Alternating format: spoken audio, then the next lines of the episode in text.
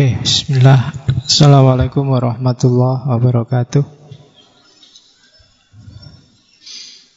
Bismillahirrahmanirrahim. Alhamdulillahirabbil alamin. Wa bihi nasta'inu ala umurid dunya waddin.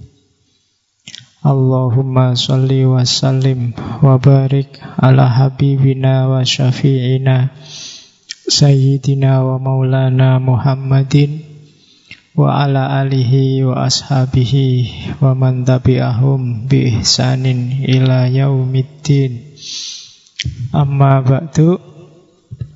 Bismillah kita lanjutkan ngaji kita. Seri ke 100 piromo. 3 2 102 Biasanya kalau sudah semakin lama amal baik itu terus jadi bosen. Rasanya jadi mulai hilang. Kayak kamu tahajud itu Awal-awal tahajud itu kamu bisa nangis-nangis. Wah tidak pernah tahajud. Tapi lama-lama ya Tidak ada rasanya.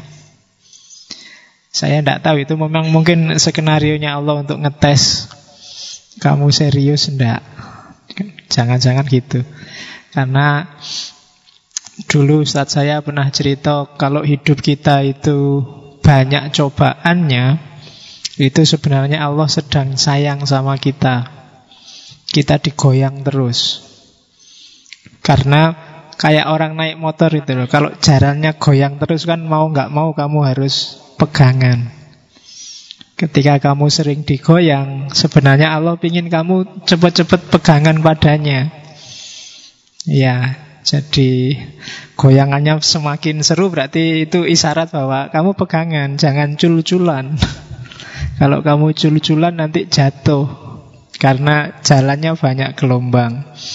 Jadi bagi yang hidupnya sumpek, tenang aja berarti Allah sayang sama kamu.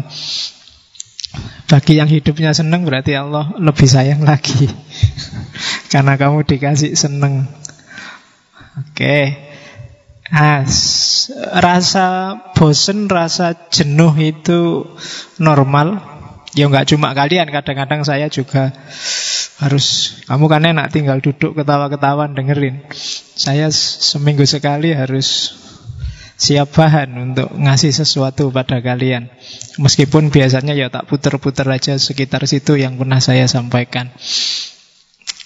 Jadi bosen, jenuh itu normal tapi tetaplah pada hitohmu masing-masing. Saya sebisa mungkin menghindari sumbermu bosen dan jenuh. Itu yang bikin saya sering bilang ngaji ini tidak ada targetnya apa-apa. Karena begitu kamu matok target, kalau targetnya nggak kena, kamu akan kecewa. Kalau targetnya sudah kena, biasanya kamu selesai. Tidak ingin melanjutkan. Maka saya bilang, tidak ada targetnya. Kita jalan aja. Bikin target setiap kali dan bisa kamu ganti sewaktu-waktu. Jadi tidak pakai ADART, nggak pakai visi misi. Kalau ada visi misi ADART itu kalau sudah terpenuhi semua terus mau ngapain? Kan itu biasanya terus bingung kamu. Maka ngaji ini ya ngaji aja, jalan aja. Oke, malam ini kita nyampe ke sesi sosialisme. Saya cuplikkan sosialisme karena nanti pada saatnya saya ingin masuk ke sosialisme di Indonesia meskipun bukan sesi yang akan datang. Karena tokoh-tokoh perintis Indonesia itu hampir semua haluannya sosialis. Mulai Cokro Aminoto dan tiga muridnya, Soekarno, kemudian yang mau mendirikan NII, Kartosuwiryo, yang satunya lagi yang komunis, Semaun tiga orang. Ah, jadi alirannya ya sosialis kalau Kartosuwiryo itu agak ngomong umat umat itu ya nama lain dari keberpihakan pada sosial pada masyarakat. Cuma kalau umat kan masyarakatnya muslim. Bahkan nanti Haji Agus Salim itu waktu debat sama Semaun Tan Malaka bilang sebenarnya Nabi Muhammad itu ratusan tahun yang lalu juga sudah berfatwa, sudah berperilaku sebagai seorang sosialis. Nanti pada gilirannya kita masuk ke sana Cuma ini untuk pengantar Saya harus ngomong Kalian kenal dulu apa itu sosialisme Oke, bismillah ya Dimulai yang pertama perhatikan itu, semoga tulisannya bisa terbaca. Kalau saya harus pakai kacamata karena sudah mendapat kelebihan dari Allah. Ya, plus itu kan lebih. Jadi coba perhatikan ideologi dunia hari ini. Itu saya mainnya ideologi dari kiri ke kanan. Kiri berarti yang kirimu. Jadi jangan dibalik. Kamu nggak usah ngadep ikut arahnya ini, tapi kirimu. Jadi ada extreme left, left, center, tengah-tengah yang moderat.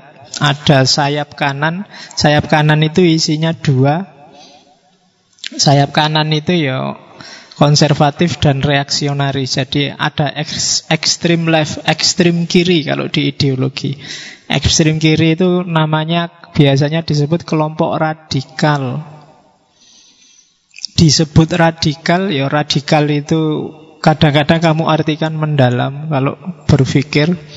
Atau kalau sekarang populer radikal itu aliran keras yang ngamuan.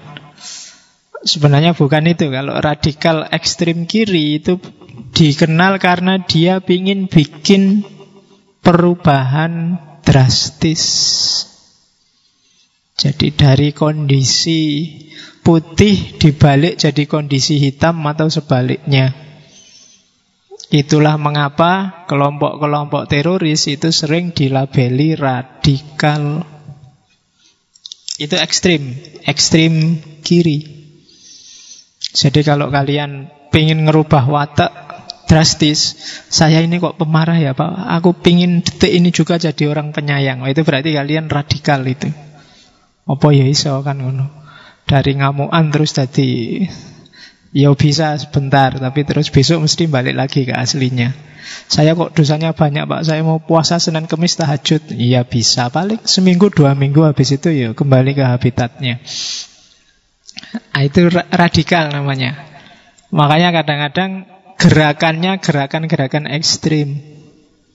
Karena dia ingin mengubah situasi secara drastis.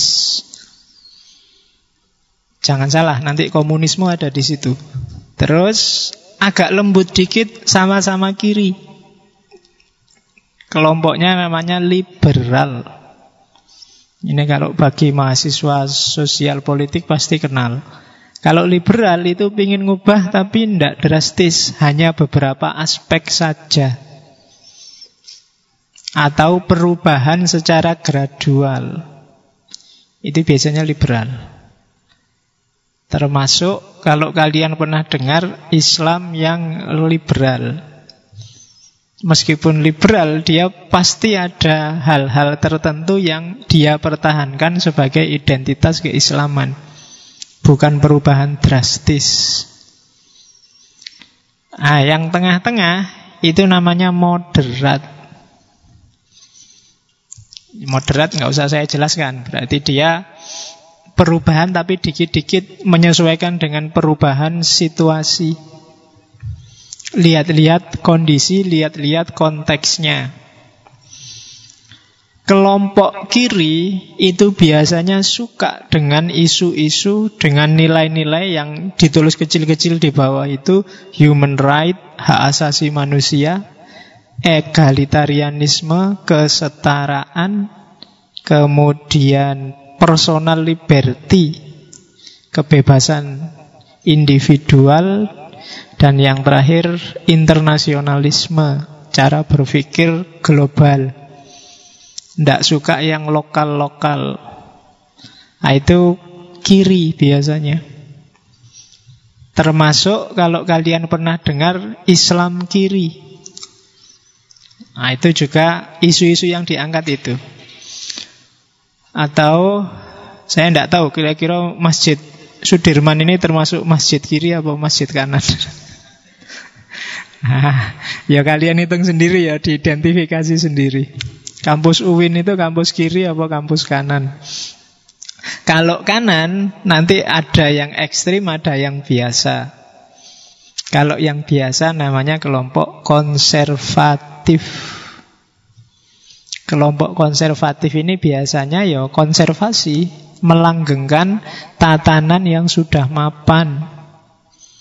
Jadi apa apa adanya sekarang wis sekarang wis enak wis ndak perlu mikir aneh-aneh. Ndak usah ribut dengan status quo wong kita sudah mapan kok. Kita harus mempertahankan apa yang kita miliki. Itu biasanya kelompok-kelompok konservatif. Budaya bangsa kita harus tidak boleh diganti-ganti. Itu kelompok konservatif. Beragama juga begitu. Kelompok konservatif berarti kelompok yang mempertahankan tradisi. Ini jenis kanan. Sementara yang kiri itu biasanya isu-isu pembebasan, itu kiri. Jadi keluar dari kemapanan sekarang. Tapi yang ingin mempertahankan kemapanan hari ini itu namanya konservatif.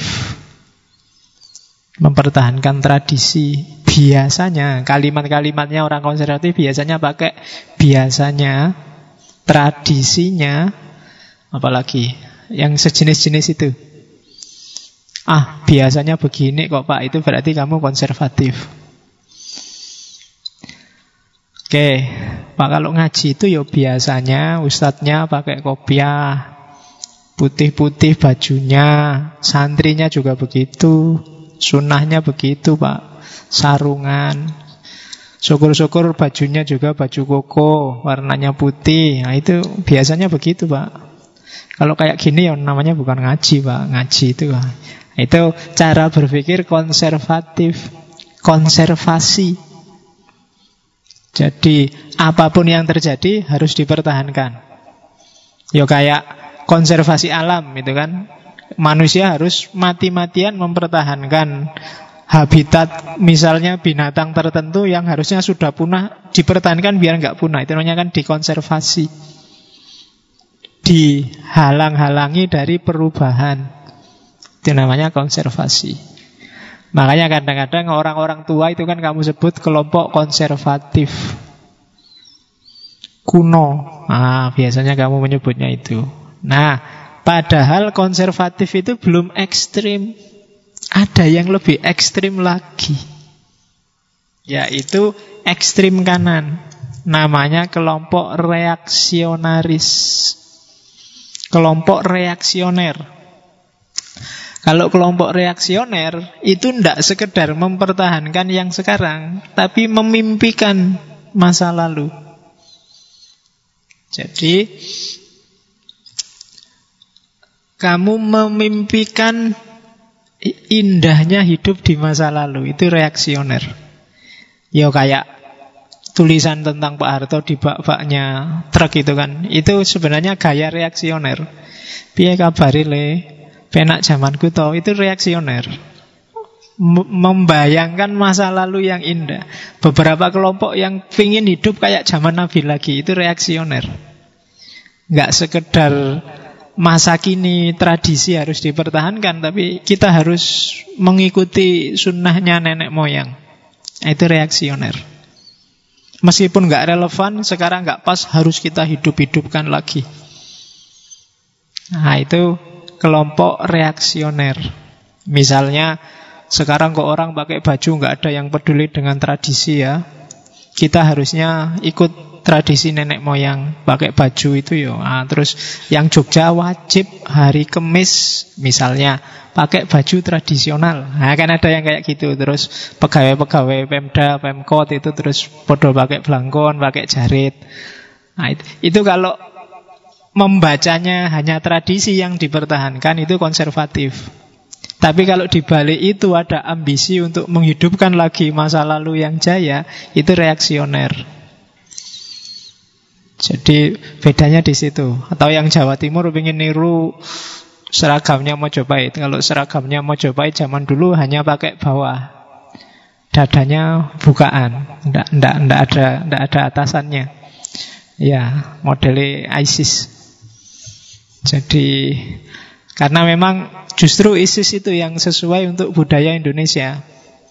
Karena Indonesia udaranya lembab, bukan ISIS organisasi itu. ISIS maksudnya yang yang bukaan. Untuk hawa yang lembab tropis kayak Indonesia itu lebih nyaman bajumu kamu buka biar keringatnya nggak mengendap. Nanti orang Jawa menyebutnya keringat buntet. Jadi hakikatnya kostum kayak jubah itu tidak sesuai untuk hawa tropis. Karena kamu bisa pening. Kalau nggak percaya besok kamu seharian pakai ojubah. Nanti sumuknya luar biasa. Iya. Coba aja kalau nggak percaya. Kita memang kultur sebelum ada Islam juga di Arab orang pakai kostum jubah karena memang geografinya begitu. Kalau geografinya Indonesia malah kamu jangan banyak pakai baju yang berlapis-lapis. Syukur-syukur kamu buka atasannya. Ya, jadi agak agak agak terbuka. Ya cuma karena kamu sejak kecil sudah dibiasakan pakai baju ya akhirnya kamu jadi ringkih. Orang zaman dulu gagah-gagah dibuka bajunya kelihatan gagah, tapi kalau kamu dibuka ya Iya, kualik packnya ada di punggung. jadi nggak jadi di depan. Oke, isu-isunya biasanya property rights, kepemilikan pribadi, elitisme, jadi kelompok-kelompok elit, ningrat, bangsawan, feodal itu. Kalau di Islam ya elit rohaniawan, ulama, wali, kiai, otoritarianisme yang punya otoritas dan nasionalisme, kebangsaan, kebudayaan, tradisi. Itu isu-isu kanan. Jadi ini mode ideologi dunia hari ini. Ada ideologi-ideologi kiri, ideologi-ideologi kanan. Manifestasi ideologinya nanti semacam ini. Lagi-lagi kiri dan kanan. Ekstrim kiri itu ada komunisme. Komunisme itu ekstrim, ingin ngubah situasi mendadak dari kondisi kapitalis jadi kondisi kesetaraan. Itu kan drastis, ekstrim. Kebalikannya komunisme, kalau komunisme tekanannya pada masyarakat kebersamaan, anarkisme sama-sama ekstrim. Individualisme mutlak sama sosialisme mutlak. Itu ekstrim. Lebih lembut daripada komunisme ada sosialisme. Kalau sosialisme ini sama tekanannya pada masyarakat tapi tidak sedrastis komunisme. Nanti kita lihat. Terus ada yang lebih moderat, center yang tengah, liberalisme. Liberalisme ini disebut moderat karena dia bisa ke kanan, bisa ke kiri. Silahkan manusia membaca kondisinya masing-masing, memutuskan dan memilih sesuai idealnya sendiri. Kemarin kita sudah liberalisme sudah. Itu termasuk moderat. Nah, di kanan tadi ada konservativisme sama yang ekstrim. Kalau ideologi nanti lahir namanya fasisme. Contohnya dulu di Italia ada Mussolini. Nanti kapan kita akan ketemu sesi Kemarin yang saya janjikan tapi tidak tahu kapan ya. Tentang kepala negara yang punya ideologi khusus. Kan ada Mussolini dengan fasisme Ada Soekarno dengan marhenisme Ada Hitler dengan nazisme. Next time. Pokoknya temanya masih banyak Jangan panjang. Kamu inget-inget aja Entah ketemunya kapan. Sakmutnya yang ngomong. Jadi Bedanya di mana kanan sama kiri? Semakin ke kiri, semakin fokus pada perubahan sosial. Semakin ke kanan, semakin fokus pada kekuasaan otoritas. Bedanya di situ. Jadi Jadi maka komunisme itu kan kelihatan drastis sekali, ingin ngubah tatanan sosial. Sementara fasisme itu kelihatan mati-matian mempertahankan kekuasaan negara. Konservatisme mempertahankan kemapanan. Sosialisme melakukan perubahan sosial meskipun tidak sedrastis komunisme. Kalau anarkisme melakukan perubahan sosial tapi secara individual. Setiap orang silahkan gerak sendiri-sendiri sesuai keinginannya. Itu ideologi dunia hari ini. Indonesia ada di mana? Tidak jelas. Gayanya macam-macam, tergantung siapa gubernur, bupati, dan presidennya. Karena Pancasila itu sebenarnya masih sangat general. Bisa kamu tafsirkan ke kiri dan ke kanan, tergantung siapa yang pegang. Kadang-kadang agak bau fasis, konservatif, tapi formalnya cenderung sosialis, prakteknya anarkis, akar PDW. Nah, itu gayanya Indonesia. Jadi berarti kita di mana-mana ada. Di kiri ada, di kanan ada. Oke. Jadi itu politik.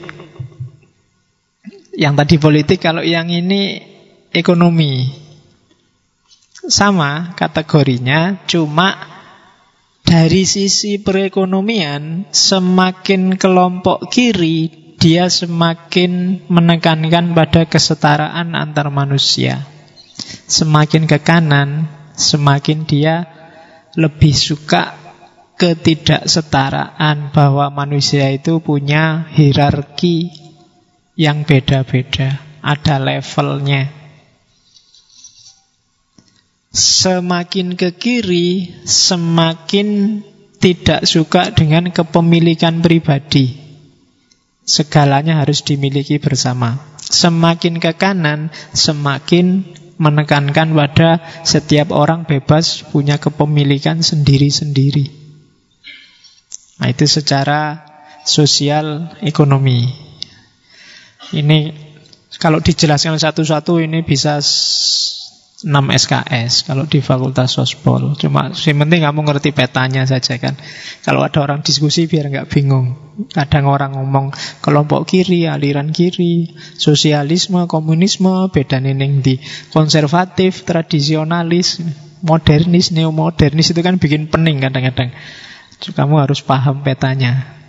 Kalau kamu nggak paham terus pening, sebenarnya ada jalan satu paling gampang kamu bikin kategori sendiri.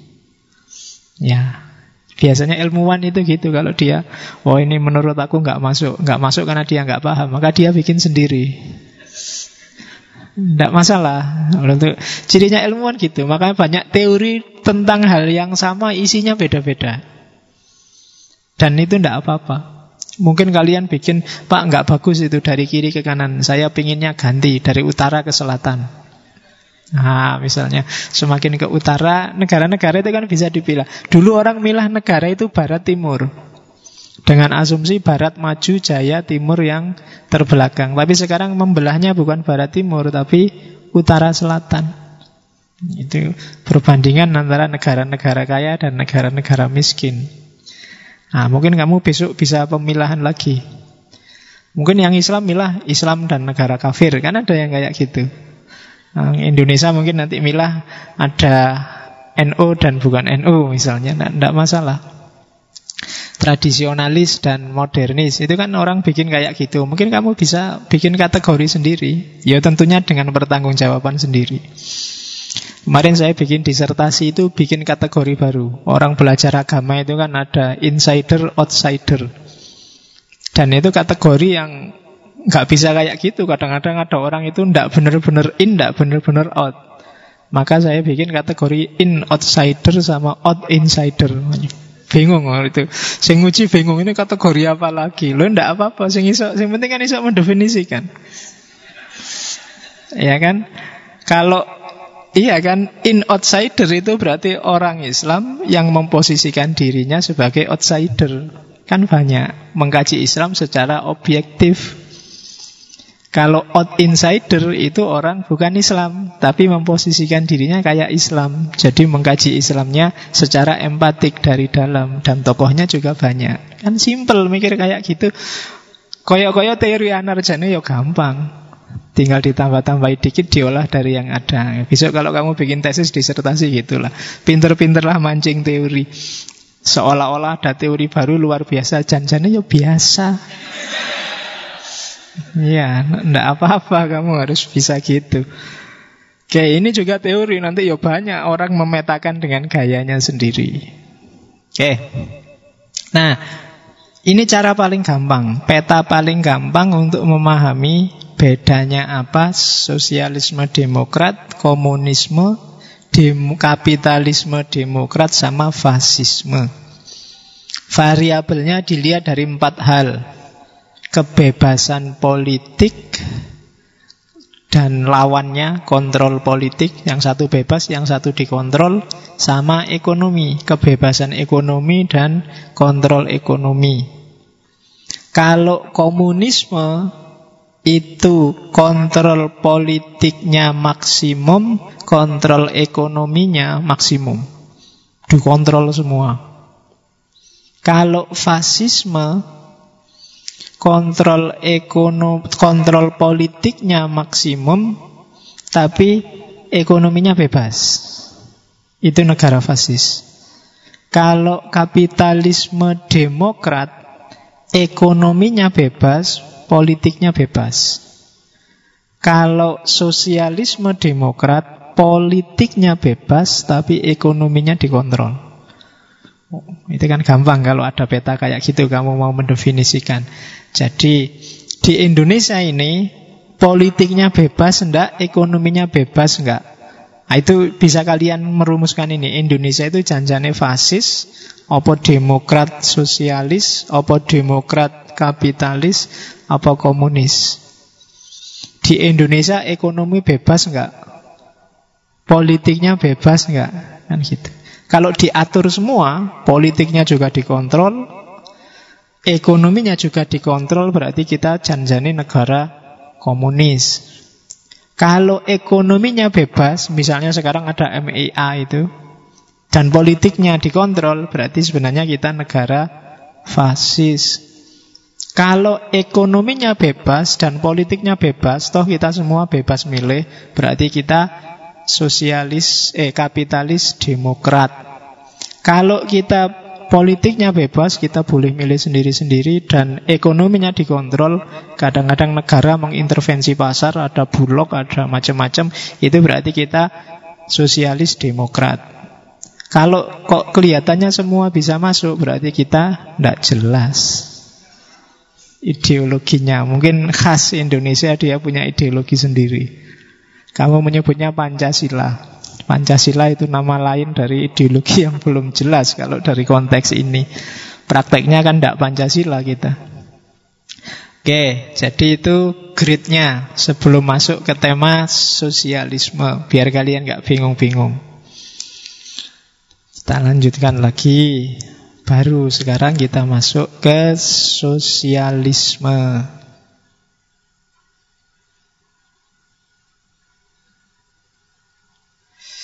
Yang belum ngambil minum silahkan ngambil, tidak apa-apa. Kita sosialis, tidak. Ya, tidak usah malu-malu. Oke ya, bedakan sosial, sosialis sama sosialisme. Ini biasa, itu definisi. Semua kemarin liberal, liberalis, liberalisme sekuler, sekularis, sekularisme, sekularisasi. Kemarin beda-beda juga. Kalau sosial itu berarti ya masyarakat, komunitas, kelompok. Ilmu sosial berarti ilmu tentang masyarakat. Kalau sosialis itu kata sifat orang yang cara berpikirnya fokusnya hanya kepentingan bersama, kepentingan masyarakatnya, dia disebut sosialis. Takmir misalnya, bikinin kamu teh tiap malam kemis, Nah, itu kan mikir kepentingan orang banyak. Ya, padahal kalau mau itu bisa dibikin makan-makan tiap malam sendiri oleh takmirnya, tapi kan enggak. Nah, itu namanya dia sosialis. Yang dipikir orang banyak. Kamu juga gitu, boleh sosialis. Ke sini bawa jajan, bawa enggak apa-apa, dibagi ke teman-temannya. Bawa permen itu berarti sosialis. Punya teman kok ngantuan ya, nggak enak besok tak bawain permen ah itu berarti kamu sosialis. Mikir yang lain, nggak cuma mikir dirimu sendiri. Karena orang itu biasanya cenderung yang dipikir dirinya sendiri duluan. Kalau kamu bisa tidak mikir dirimu duluan Berarti kamu kelompok yang sosialis Masuk ke masjid kan mesti yang kamu cari Tempat duduk yang enak untuk dirimu dulu Kamu kan nggak mikir Ah nggak usah duduk di situ ah Di situ enak biar buat yang lain aja kan nggak? Kamu mesti di situ enak Saya tak lunggu dewe nah, Itu itu cirinya. Kalau orang sosialis itu pertimbangannya selalu yang lain. Dan tidak sekedar yang lain, tapi kepentingan bersama. Nah, modus seperti ini mendahulukan kepentingan bersama kalau dijadikan apa? Hitoh, dijadikan garis hidup, maka dia jadi ideologi namanya sosialisme. Kalau kamu bakukan bahwa pokoknya hidupku hanya untuk masyarakat, hidupku hanya untuk orang banyak, maka dia jadi ideologi. Namanya sosialisme. Jadi kadang-kadang kamu sosialis, tapi mungkin kamu belum masuk ke ranah sosialisme. Sosialisme belum jadi ideologi, belum tertutup. Kadang-kadang individualis juga. Memikirkan kepentingan orang banyak bagus, tapi mikir diri sendiri kan juga boleh, Pak. Ah, berarti masih belum baku sosialismenya. Kalau orang sosialis itu yang dipikir masyarakat banyak. Jadi itu definisi awalnya itu. Makanya bagi banyak orang Islam itu sebenarnya lebih cocok masuk ke sosialis daripada kapitalis. Ya nanti setelah kita ngerti nanti kita rumuskan ya kenapa kok Islam lebih dekat sama ideologi sosialis. Alasan lahirnya sosialisme. Sosialisme sebagai ideologi formal dikenal dunia itu awal abad ke-20. Jadi ketika terjadi revolusi industri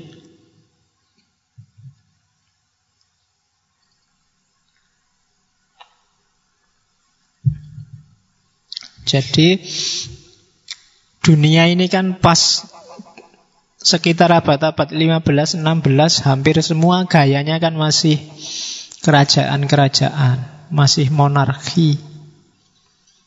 Dari monarki jatuhnya kerajaan-kerajaan secara umum terus melahirkan feodalisme. Jadi orang yang biasanya bangsawan-bangsawan Ketika kerajaannya runtuh kan dia jadinya punya semacam kekuasaan sendiri kecil-kecil di daerahnya masing-masing.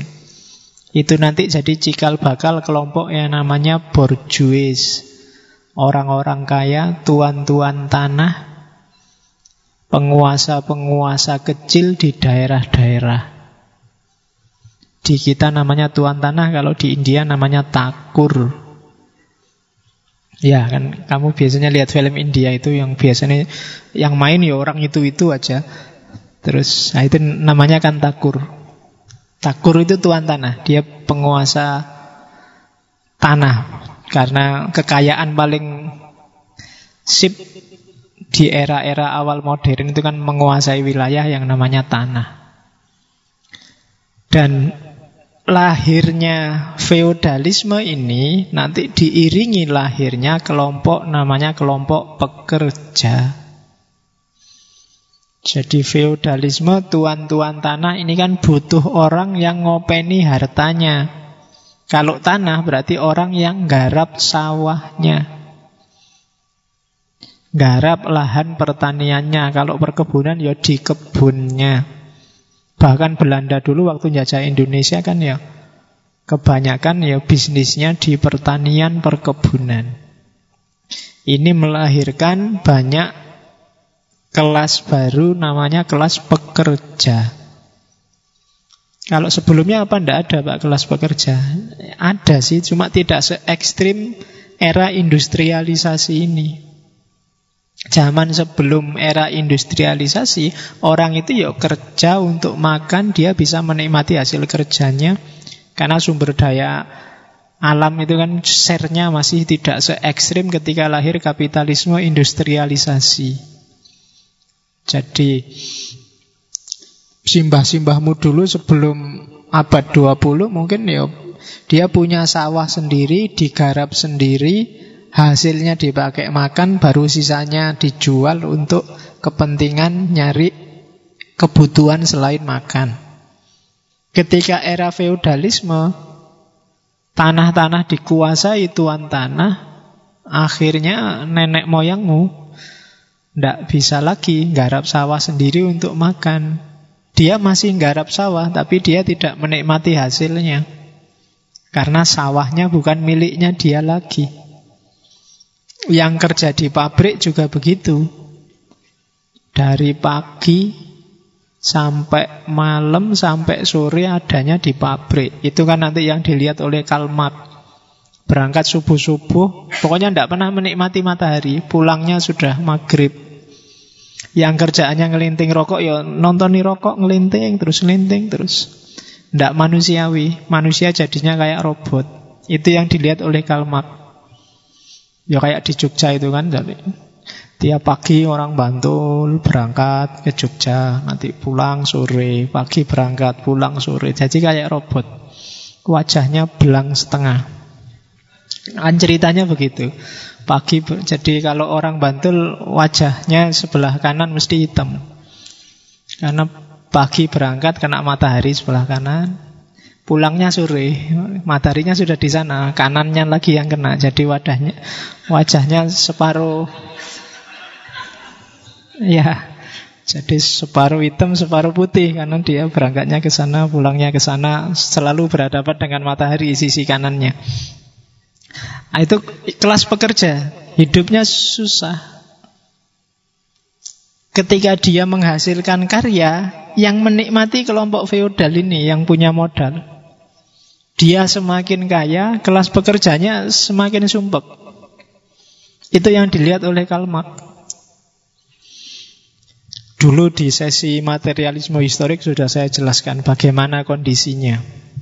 Jadi kelas pekerja yang miskin terpinggirkan.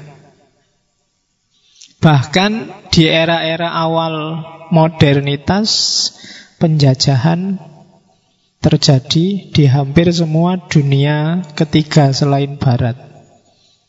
Itu juga masalah besar. Karena ketika lahir model penjajahan, hampir semua di daerah jajahan itu adalah buruhnya, kelas pekerjanya. Dan itu yang terjadi. Di situ lahir gagasan sosialis. Yang ketiga, kritik terhadap pasar bebas. Jadi perputaran ekonomi yang dibiarkan bebas sesuai kapasitas masing-masing orang. Itu kalau strukturnya sudah timpang, strukturnya struktur yang tidak imbang, begitu dibebaskan, ya terjadinya yang kaya makin kaya, yang makin makin miskin. Itu yang dilihat oleh kelompok sosialis. Kalau saya orang kaya, dan kamu orang miskin, contoh aja ini anu. Terus dibiarkan bebas untuk beraktivitas tanpa dikasih regulasi dengan kekayaanku dengan modalku aku bisa semakin kaya sementara kamu yang tidak punya modal nggak punya apa-apa sampai besok tetap jadi buruh semakin kaya aku Aku bisa melakukan efisiensi daripada capek-capek bayari kamu beli mesin aja kan beres. Pengangguran semakin banyak. Kamu semakin sengsara. Lama-lama terjadi otomatisasi, industrialisasi semakin canggih ya, kamu semakin tidak bisa dapat kerjaan. Oke, jadi akhirnya ya kalau ditanya kok tidak kerja mas, tidak apa-apa ini, saya ingin menikmati dulu jadi pengangguran. Jadi kamu tidak dapat apa-apa akhirnya. Yang kaya semakin kaya, hasil karyamu dinikmati oleh pemilik modal. Kamu kuliah capek-capek, akhirnya cuma jadi pegawai.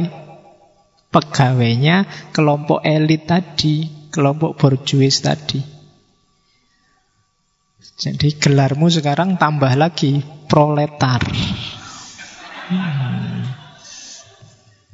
Jadi kalau di kampus guru besar itu kan prof. Kamu kasih aja prol itu depan. Bukan prof. Prol itu ya wong melarat lah gampang-gampangannya pokoknya. Kastanya kasta proletar. Oke. Alasan inilah nanti melahirkan gagasan sosialisme. Konsep kuncinya lima. Sosialisme. Satu, dua, tiga, empat, lima.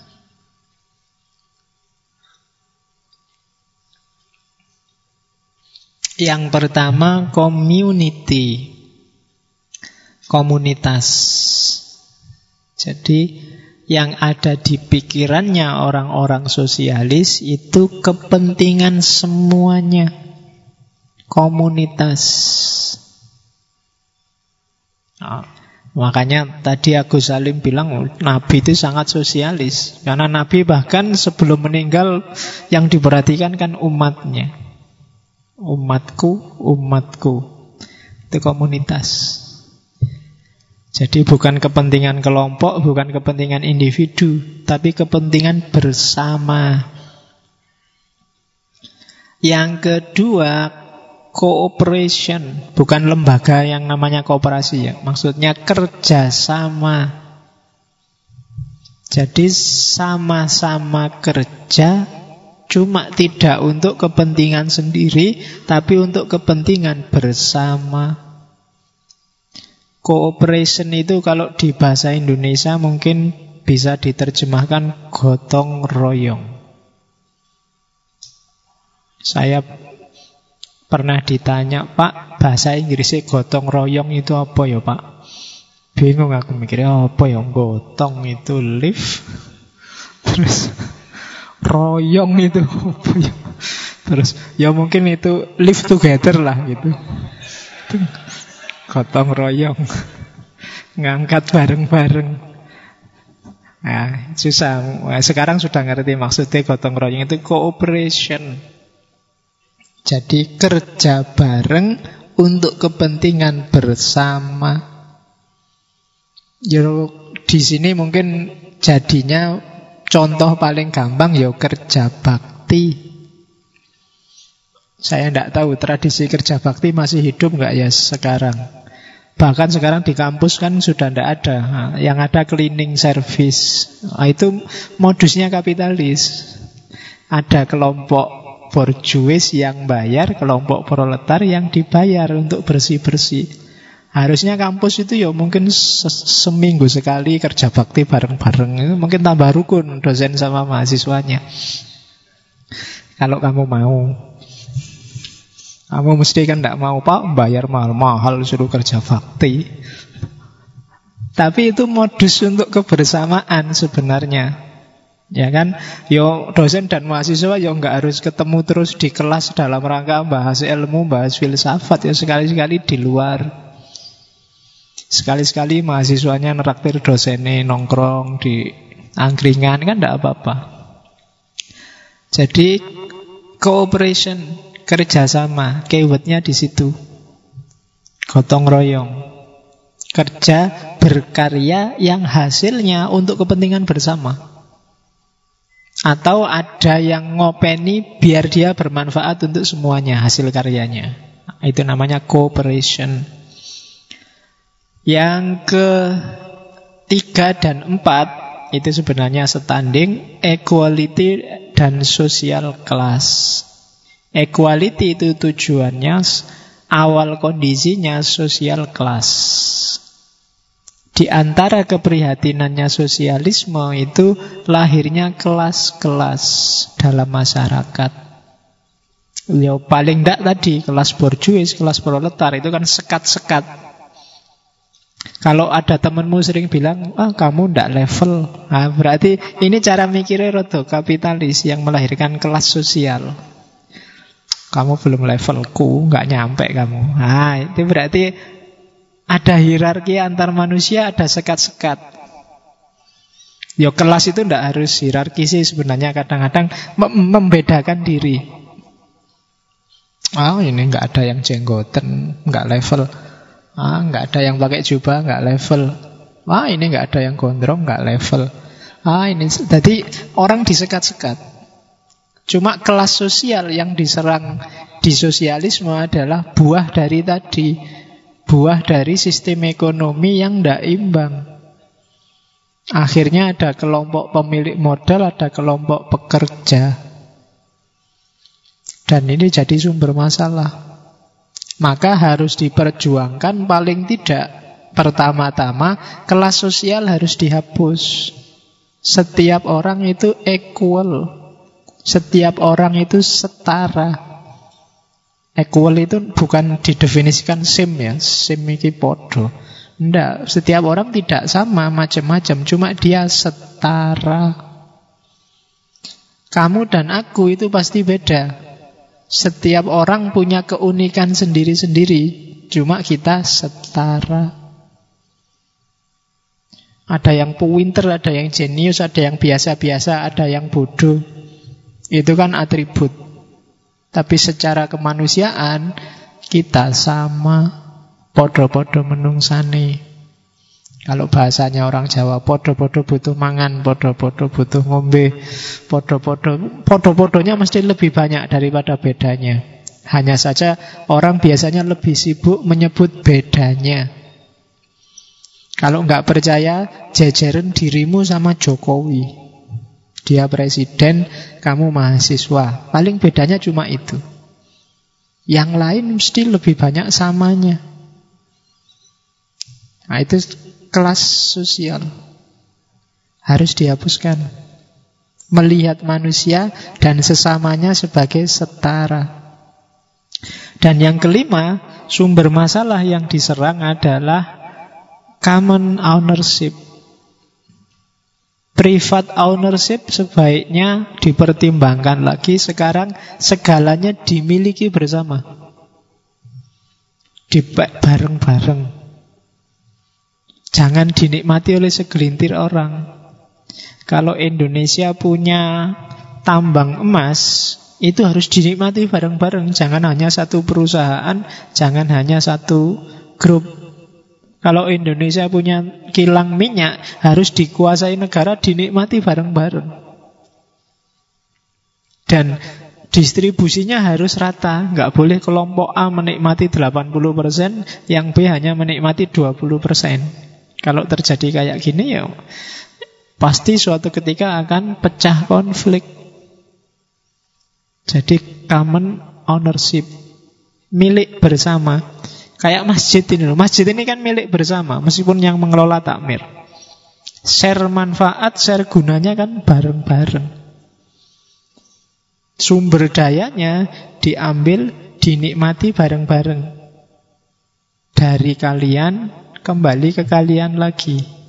Itu maunya. Jadi pola pengelolaan masjid itu pola sosialis. Kalau masjid ini kapitalis, gampang sebenarnya. Tiap kali ngaji bayar berapa? Iya kan? Sholat mau wudhu di sana dihitung nanti setiap kali kencing ke sana 2000 nanti masuk ke sini lo ya kalau model kapitalis bisa kaya takmirnya ya kan? Ya jadi sebenarnya perlu cerdas sedikit biar rata suki. Ya. Atau biar nggak ketoro ya nggak harus ditarik bayar. Cuma ngaji ini nanti ada bahannya ya. Cuma fotokopi bahannya satu lembar lima ribu. Nah itu. Itu lumayan sudah. Nah, maka pengelolaan masjid ini sebenarnya gayanya agak cenderung sosialis. Ada common ownership ini milik kita bersama kok kita nikmati bersama, untuk kita bersama, dan awalnya memang dari kita. Nah, itu contoh paling simple. Oke, cuma kalau pacar jangan sosialis ya. Iya, kamu nggak usah. Oh, kita sosialis ya, nunda ojo. Kalau pacar kapitalis tidak apa-apa, jangan sosialis. Oke, terus jenisnya sosialisme ada tiga. Yang paling kuno sebelum Karl Marx itu sosialisme utopis. Setelah itu Karl Marx dan kawan-kawan namanya sosialisme yang revolusioner. Komunisme. Setelah itu belakangan muncul sosialisme evolusioner. Atau kadang disebut sosialisme demokrat. Bukan demokratnya SBY ini pasti. Ya, demokrat sebagai istilah umum, bukan sebagai partai. Atau kadang disebut gradualisme. Jadi ada yang utopis, ada yang revolusioner, ada yang evolusioner. Evolusi. Jadi ada yang hanya mimpi, apa ia bisa terwujud, ada yang revolusi, ingin segera ganti, ada yang ganti pelan-pelan. Evolusi. Kita lihat satu-satu yang utopis ini yang muncul paling awal. Sebenarnya yang ngasih julukan utopis ini Karl Marx. Karena bagi Karl Marx gagasan-gagasan sosialisme awal itu cuma kayak orang ngimpi. Bagus, luar biasa, ideal. Tapi prakteknya bagaimana masih bingung. Itu inspirasinya kata-kata utopis itu kan dari novelnya Thomas More, filosof juga. Dia nulis tentang utopia. Kitabnya, kitabnya. Bukunya ada dua jilid. Bagi yang suka silahkan terjemahannya. Sudah ada terjemahannya dalam bahasa Inggris. Loh iya loh, kamu kenapa? Tidak apa-apa. Yo latihan dikit-dikit bahasa Inggris. Bahasa itu gampang kok. Saya di Iran dua bulan ngomong Persi bisa. Persi bisa toh? Oke. Nah ya ngomong Persi kan gampang cuma bahasa Persi sing raiso aku. Cuk, kalau cuma ngomong Persi aja gampang kan Persi gitu. Oke.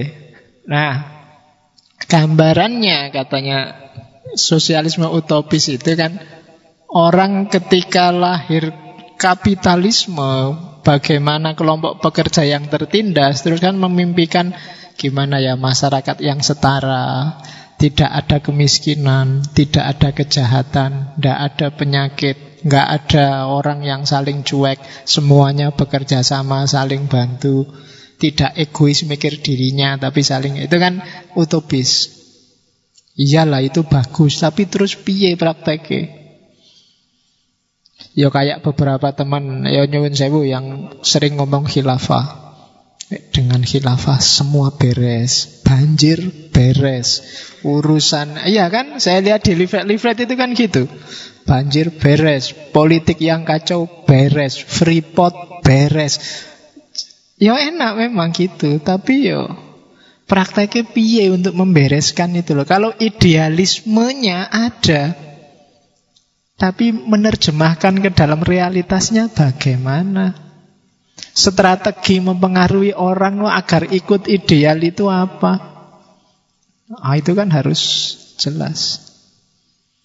Maka oleh Karl Marx, sosialisme awal ini disebut sosialisme utopis. Biasanya yang dikenal sosialisme utopis itu ada Robert Owen, Etienne Cabot, dan Charles Fourier. Robert Owen ini kan yang dikenal dengan kalimat di atas itu tidak ada kekurangan, tidak ada kemiskinan, tidak ada kejahatan, tidak ada penyakit. Enak sih nak diomongkan. Tapi untuk bikin kayak gitu itu gimana? Itu yang belum muncul di pikiran mereka. Sehingga oleh Karl Marx disebut ini namanya sosialisme utopis. Mimpi. Nek mimpi sih indah, bagus, tapi prakteknya gimana? Kayak kamu mimpi Pak, enak ya seandainya besok habis kuliah saya ditawari perusahaan besar, langsung jadi general manager, terus Tiba-tiba sama direkturnya malah ditawari anaknya juga suruh ngawini sekalian. Wah. Loh ya kan enak, kamu mikir kayak gitu kan enak. Tapi dalane piye? Ya memang enak kalau kamu bisa mewujudkan itu. Tapi terus gimana implementasinya? Itu yang dikritik oleh Mark. Jalannya terus gimana? Dari situ Mark melanjutkan sehingga lahir namanya komunisme. Kalian sudah sangat sering mendengar ini. Tak loncati yang ini kita lihat. Komunisme diawali dari kritiknya Marx pada kapitalisme. Kayak gimana sih kritiknya Marx pada kapitalisme itu ini loh.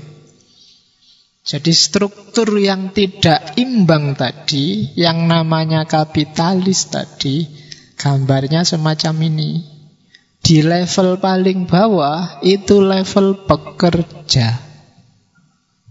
Kelompok proletar tadi, dia yang kerja keras. Itu kalimatnya we feed all. Kita yang ngasih makan semua orang, wong dia yang bertani, dia yang berternak, dia yang ngurusi perikanan, wong dia yang pekerjanya.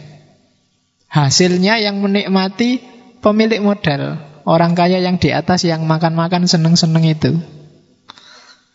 Dan struktur ini bisa langgeng karena ada yang jaga, ada yang belain. Apa? Militer. Ya kan? Kalau orang kecil-kecil itu macam-macam disikat sama militer karena militer backupnya orang-orang kaya itu. Ya kan? Nah, dan untuk bikin orang-orang kecil ini tidak ngamuan sehingga kalau ngamuk nanti disikat oleh militer lahirlah kelompok rohaniwan dialah yang ceramah tiap hari untuk mempertahankan status quo ya kan hidup ini hanya sementara loh ya kan Jangan gampang ngamuan, kita harus sabar. Dunia cuma mampir ngombe sebentar, ngapain sih mikir aneh-aneh. Jadi kalau yang militer itu kalimatnya we shoot you, tak tembak kalau kamu macem-macem. Kalau yang rohaniwan kalimatnya we fool you, kamu tak bodoh nih. Jadi kamu tak tipu dengan gayanya. Ya untungnya itu gambarnya membawa salib. Karena zaman itu agama Kristen. Kalau gambari masjid kamu mesti komplain. Jadi orang ditenangkan, orang nggak boleh marah. Ini struktur yang niscaya. Takdirnya Tuhan memang kayak gini, mau diapain lagi. Dunia itu kan penjara bagi kita yang miskin. Besok di akhirat. Nah kan gitu. Tenang aja. Di akhirat kita akan jaya. Kan gitu semboyannya. Nah, sementara semua tatanan ini jadi langgeng karena struktur puncaknya para pemerintah, para penguasa yang kalimatnya wirul you itu dia yang ngatur sutradaranya. Dan sutradara ini ditopang oleh yang makan-makan seneng-seneng kelompok borjuis karena yang bayar tiga kelompok di atas itu kelompok kedua borjuis itu. Yang beli alat-alat untuk nembak ya kelompok borjuis. Yang memberi sodakoh, memberi infak. Jadi donaturnya para rohaniwan dan tempat ibadahnya ya kelompok kedua itu. Dan yang gaji negara uangnya yang bayari mereka juga kelompok kedua itu. Maka struktur ini jadi langgeng. Ini yang dikritik oleh Karl Marx. Tidak bisa. Kalau dibiarin kayak gini, Ya yang sengsara akan sengsara terus. Pendukungnya karena sudah sistemik berjalan secara teratur semacam ini terus menerus. Nah, oleh karena itu Marx merumuskan kalau gitu kita bikin revolusi. Katanya Karl Marx, perkembangan sosial harus dirancang sedemikian rupa sehingga jadinya semacam ini. Inilah nanti yang disebut teori komunismenya Karl Marx. Oke.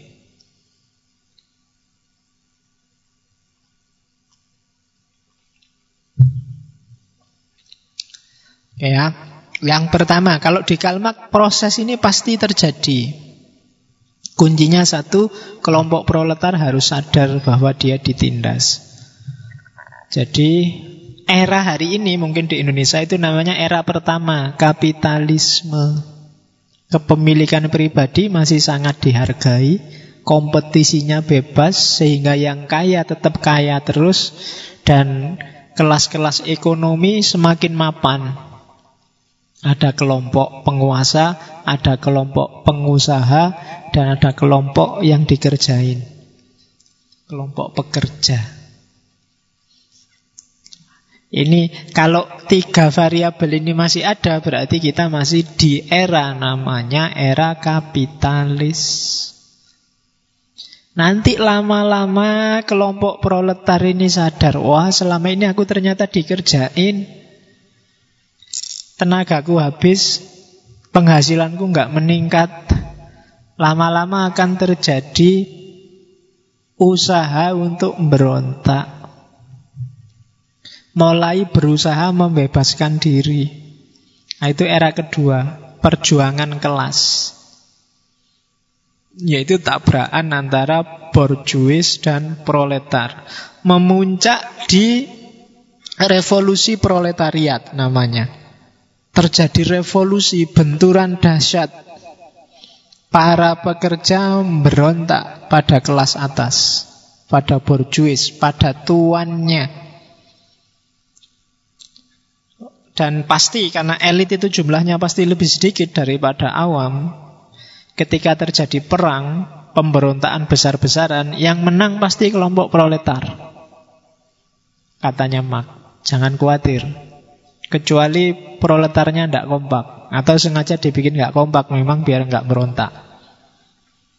Jadi katanya Mak asal kompak dan semua sadar pasti akan lahir sosialisme. Sosialisme itu ketika kelompok proletar ini menang. Nah, cuma Ketika kelompok proletar ini menang di awal di kelompok masyarakat sosialis ini yang terjadi adalah kalau bahasanya mak diktatoriat apa kediktatoran kelompok yang menang. Kediktatoran kelompok proletar. Jadi orang-orang miskin tadi setelah dia menang perang langkah pertama untuk menata dunia sosial, dia harus jadi diktator. Sesuai visi sosialismenya. Ini nanti jadi kunci kelemahan teorinya Marx. Tapi katanya Marx harus begitu. Nanti kita lihat kenapa harus begitu. Kalau nggak begitu, ya cita-citanya sosialisme nggak akan lahir. Harus keras dulu, harus diktator dulu. Baru setelah diktatoriat ini jalan, masyarakat tertib, akhirnya kelas-kelas terhapus, segalanya dari bersama untuk kepentingan bersama, lahirlah namanya komunisme. Masyarakat tanpa kelas. Masyarakat tanpa kelas berarti masyarakat yang tidak butuh lagi negara. Semua orang sudah kompak sekarang. Nah, itu namanya komunis. Jadi masyarakat yang sudah komunal dari masyarakat untuk masyarakat. Tidak butuh diatur-atur lagi. Negara dibubarkan saja, dia tidak, tidak dibutuhkan.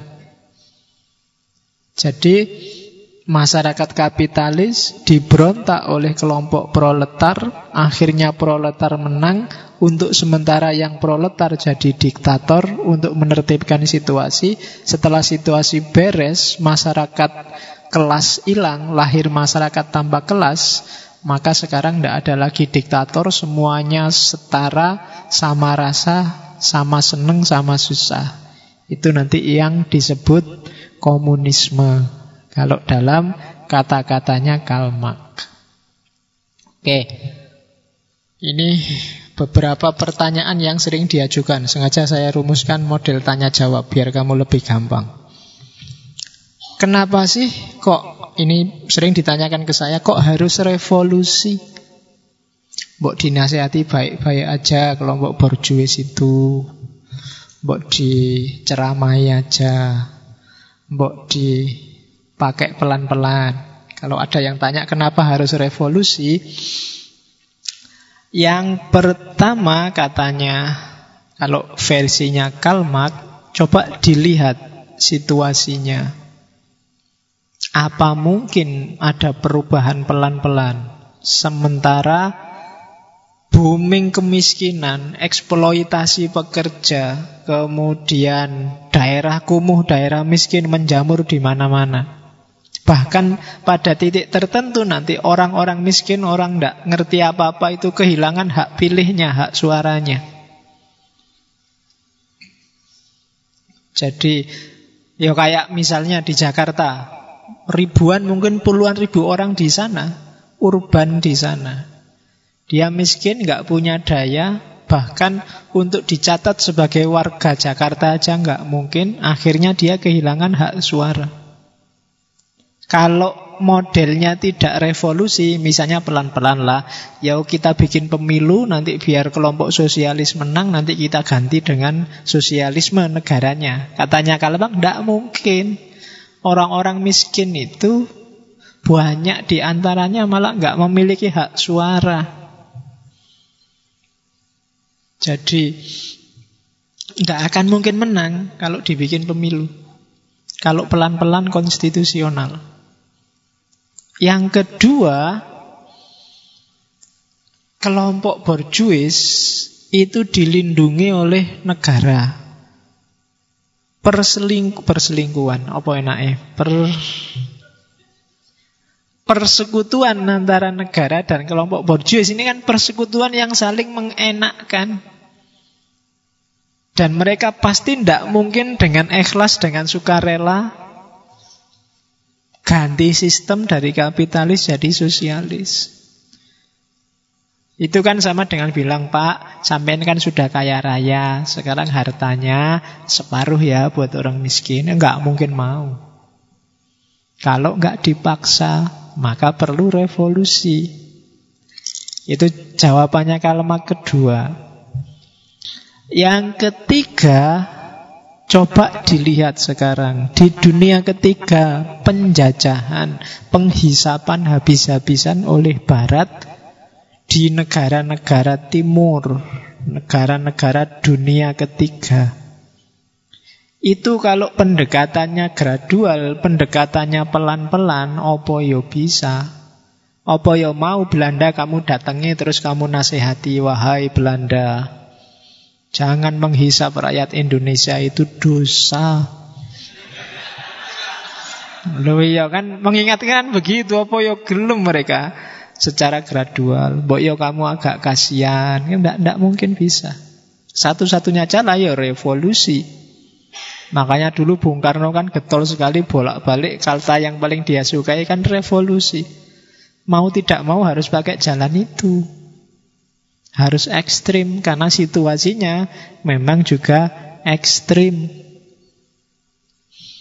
Oke, Yodan yang terakhir yang kayak saya bilang tadi, sebagai yang punya kepentingan dan sedang menang, nggak mungkin kelompok borjuis itu menyerahkan kenyamanan, kesenangannya pada kelompok proletar.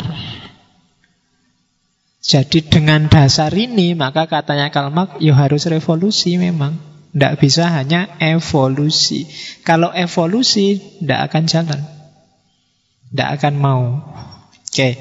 Terus, pertanyaan kedua yang tadi, kenapa kok harus diktatorship? Harus setelah menang kelompok sosialis ini, kenapa kok harus menindas? Mbok yo jangan kayak gitu, itu namanya balas dendam. Katanya Kalmak, enggak, enggak begitu. Maksudnya bukan balas dendam. Dia harus diktatorship untuk menghindari munculnya counter revolusi. Kalau enggak keras, kelompok borjuis ini bisa menggalang kekuatan lagi. Dia harus dilumpuhkan. Itu katanya Kalmak.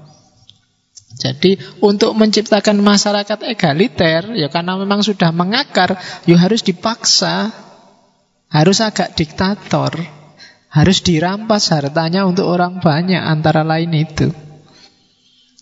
Jadi kenapa harus diktator ya? Biar nggak muncul counter revolusi. Terus, yaitu kayak katanya Mao Zedong itu kan, power grows out of the barrel of a gun. Kekuasaan, kekuatan akan muncul dari barel, dari khazanah, dari satu barel itu kan yang sak tong, sak drum senjata. Kalau tanpa kekuatan senjata, tidak akan mau mereka, harus dipaksa. Wong semua modal, semua kekayaan ada di mereka, sekarang mau dibagi, itu kalau mereka normal mesti nolak. Kalau masih punya kekuatan dia akan bikin counter revolusi. Untuk menghindari itu harus agak diktatorship di era-era awal untuk menata yang selama ini sudah mengakar. Maka kebanyakan ya kayak di Rusia, di Cina itu ketika terjadi revolusi di awal biasanya keras, militeristik dengan tujuan biar tidak bikin counter revolusi biar tidak bales balik lagi ke tatanan yang lama. Itu pertanyaan kedua. Oke, sampai di situ kelihatan bagus, masuk akal. Sekarang kita lihat. Ini juga sering ditanyakan pada saya. Di mana kelemahannya Kalmak? Oke ya. Yang pertama, enggak apa-apa, modelnya tanya jawab biar lebih gampang. Kan kalian tidak ada sesi tanya jawab. Tak tanya-tanya sendiri, tak jawab-jawab dewe. Oke. Yang pertama, kelemahannya Mak di mana? Mak melihat sejarah secara teleologis. Teleologis itu bertujuan, mekanis. Koyok-koyok Kalmak ini sudah ngerti takdirnya Allah. Dianggapnya skenario itu mesti terjadi. Kelemahannya Mak di situ. Kalau modelnya persis kayak Kalmak ya berarti wilayah kebebasannya akan sangat terbatasi. Itu yang sering dikritikkan orang pada komunisme. Apa-apa mau diatur. Kebebasan individual kurang dihargai. Kayak tadi yang yang skema perempatan tadi. Itu biasanya kritik pertama. Ya mungkin kalian pernah lihat hari ini contohnya Korea Utara misalnya. Itu kan banyak sekali aturan-aturan. Bahkan saya lihat di mana ya, baca di mana. Di Korea Utara itu model rambut untuk perempuan hanya dibatasi lima. Jadi nggak boleh, nggak kayak Korea Selatan. Korea Selatan kan habis-habisan kalau mode itu. Kalau di Korea Utara hanya cuma lima. Mungkin ada yang kuncir kuda, ada yang sebahu, ada yang cuma lima. Jadi kalau jangan berani-berani keluar rumah dengan model rambut yang alternatif. Kamu bisa ditangkap. Jadi apa-apa diatur. Nonton TV kalau ketahuan, nonton drama Korea, itu kalau ketahuan kamu bisa ditangkap polisi, bisa diinterogasi. Padahal kamu tiap hari nonton drama Korea. Itu tidak boleh. Jadi banyak sekali aturan-aturan. yang memang visinya menyeragamkan untuk kepentingan bersama. Korbannya kebebasan individual.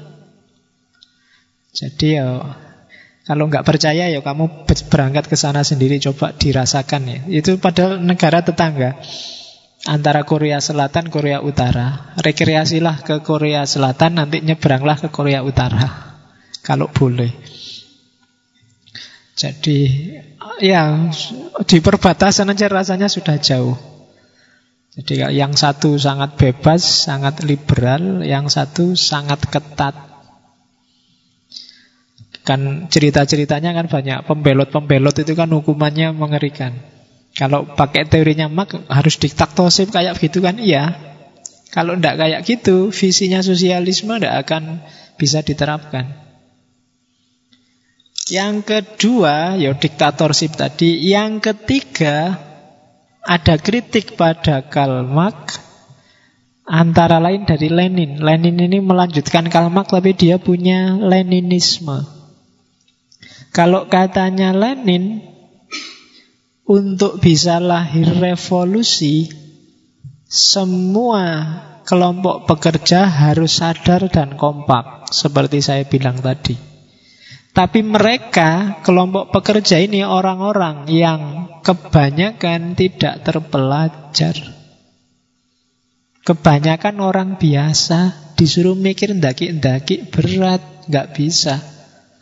Mbok ajak revolusi, mbok ajak demo mereka mau kalau ada bayarannya dan makan siangnya. Kalau gratis nggak akan mau. Jadi Iya, susah. Itu memperjuangkan sosialisme secara kapitalis itu. Karena harus dibayar, harus makan siang. Nah, katanya Lenin, tidak bisa kalau dibiarkan liar mereka bikin revolusi sendiri. Maka harus ada agennya. Agen ini nanti namanya partai. Dari situ nanti dikenallah partai komunis. Jadi gagasan lahirnya Partai Komunis diawali dari Lenin. Jadi ini untuk menyadarkan para pekerja. Pekerja itu kan cita-citanya nomor satu paling besar kan naik gaji. Dia tidak mikir gimana caranya merebut kekuasaan. Tidak, yang penting gaji ini muda wis seneng. Coba kamu lihat demonya pekerja di Indonesia aja, demonya buruh itu kan paling nak nuntut naik gaji. Tidak nuntut macam-macam dia. Tidak butuh sistemnya kapitalis atau sosialis peduli amat. Yang penting bayaran munda. Ya kan cuma itu. Kalau jadi katanya Lenin tidak bisa mereka dibiarin sadar sendiri terus berontak itu tidak mungkin. Maka harus ada agen, harus ada yang menunjukkan mereka, eh kamu dieksploitasi loh, jangan diem aja. Dan itu tugasnya partai Nanti kalau memang sudah terwujud sistem komunis yang sempurna, partai boleh bubar. Nah, kritiknya Lenin nanti dilanjutkan oleh Stalin. Kalau Stalin, ah ngapain sih capek-capek bikin partai, kan sudah ada negara. Ya negara ini aja jadi agennya negara ini aja yang diktatorship dan ngatur sehingga masyarakat berkembang melakukan transformasi ke arah sosialis. Nah, itu Stalin di Rusia. Jadi negara jangan dihapus. Negaralah nanti yang mengkoordinir transformasi sosial menuju masyarakat komunis. Jadi pelanjutnya Marx tapi melanjutkan teorinya Marx sebenarnya. Meskipun sebenarnya dasarnya kritik tidak bisa kalau kayak Karl Marx. Terus kritik selanjutnya dari kapitalisme itu sendiri. Realitanya tidak gampang loh kamu membunuh kapitalis itu. Kapitalis itu tahan lama dan fleksibel dia tidak bisa ujuk-ujuk dipotong. Dia bisa adaptasi terus-menerus. Wong kelas pekerja itu sekarang ya malah suka sama kapitalis. Apalagi kalau gajinya dinaikkan. Kamu memiliki saham sekian persen, senang sudah. Jadi kayak misalnya apa wis contohnya ada CSR, Wah, perusahaan nyumbang bangku taman. Itu kan sudah seneng luar biasa kan kalian. Wah, alhamdulillah ada bangku taman gratis. Cuma itu aja. Nyumbang apa misalnya kan gitu. Masjid ini kemarin disumbang misalnya. Dari perusahaan A, perusahaan B. Kayak gini-gini kan kalian sudah seneng. Was, untung di sekitar kita ada perusahaan, ada masjid. Sekarang kita dapat uang banyak. Itu pinternya kapitalisme. Dia tahan lama. Dan bisa diadaptasi. Bahkan kalian yang tiap hari demo mungkin anti kapitalis, gayamu sebenarnya gaya kapitalis. Ya kan? Gaya kapitalis itu egoismenya tinggi, kepentingannya diri sendiri nomor satu, kelompoknya sendiri nomor satu. Kemudian kamu menjelma jadi elit tersendiri. Tidak lagi setara dengan yang lain dan seterusnya. Dan yang terakhir, kritik pada Marx, kalau hari ini itu kebanyakan Marxisme lahir jadi neo-Marxisme, fokusnya tidak lagi semata-mata ke kelas pekerja. Jadi fokusnya Karl Marx hanya pada kelas pekerja itu dikritik, ah yang sengsara di dunia ini nggak cuma pekerja, banyak diskriminasi-diskriminasi, perempuan terdiskriminasi, alam semesta juga bahkan terdiskriminasi. Hari ini LGBT juga disebut terdiskriminasi. Ya. Jadi itu juga harus dibela, ngapain cuma fokus bekerja. Kan sekarang itu yang terjadi. Sebenarnya itu teorinya pakai mak, tapi tidak semata-mata mak, objeknya nggak cuma untuk pekerja. Emansipasi wanita, feminisme itu kebanyakan pakai marxisme.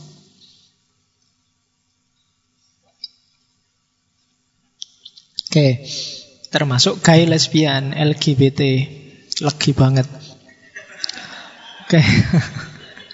Iya lah, iya ngombe tehnya kan gitu. Oke, terus itu tadi ya komunisme. Sekarang sosialisme demokrat. Ini yang utopis sudah, marxisme sudah, sekarang yang gradual. Yang pelan-pelan. Sosialisme demokrat itu sebenarnya setuju dengan komunisme, khususnya dalam aspek kesetaraannya. Yalah kita semua ingin setara, cuma caranya tidak revolusi, tapi demokratis.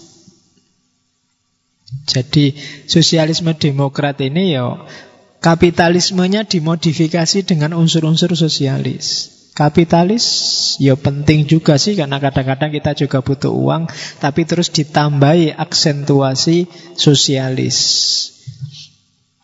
Bedanya nanti paling gampang ini sama dan bedanya.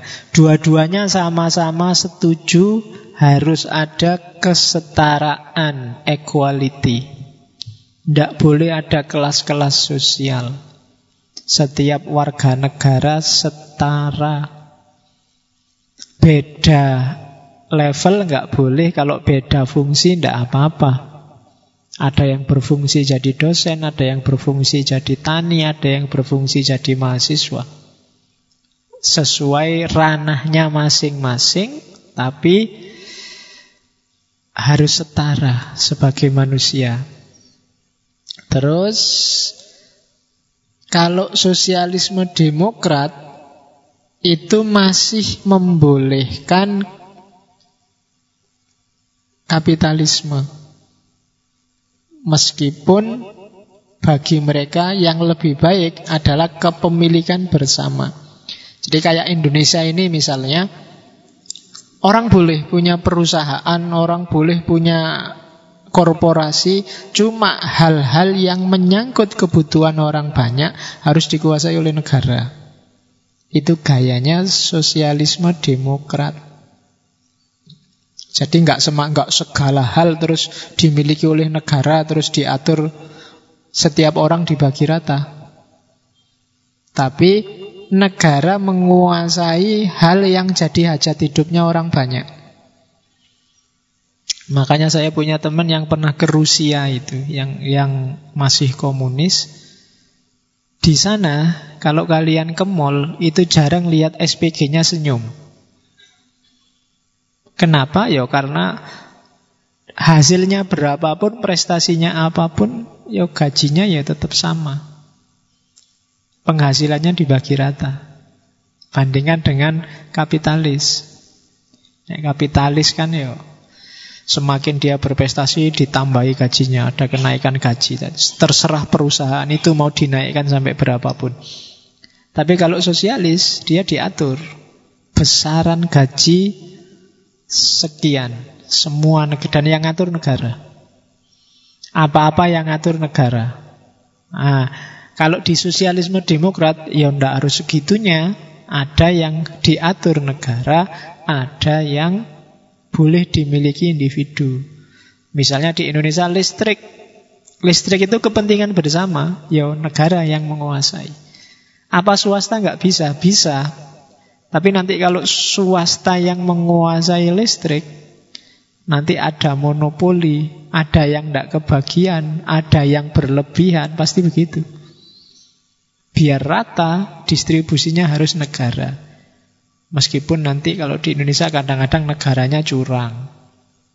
Itu masalah selain. Tapi secara ideal sosialisme demokrat hajat hidup orang banyak dikuasai oleh negara.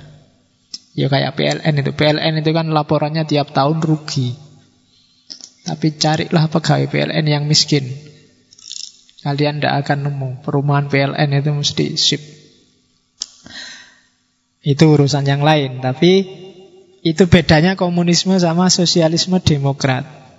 Jadi kalau marxisme, komunisme, negara ngontrol full ekonomi. Kalau sosialisme demokrat ya ndak full. Hal-hal yang ndak harus negara yang menguasai, ya negara nggak menguasai juga ndak apa-apa. Kamu punya angkringan ndak harus dikuasai oleh negara.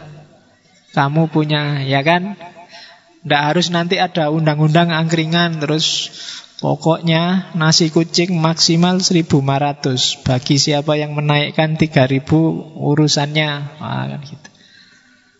Ayo kalau dinaikkan jadi 5000 namanya jangan nasi kucing Nasi macan misalnya. Ya kan contohnya kan gitu. Iya.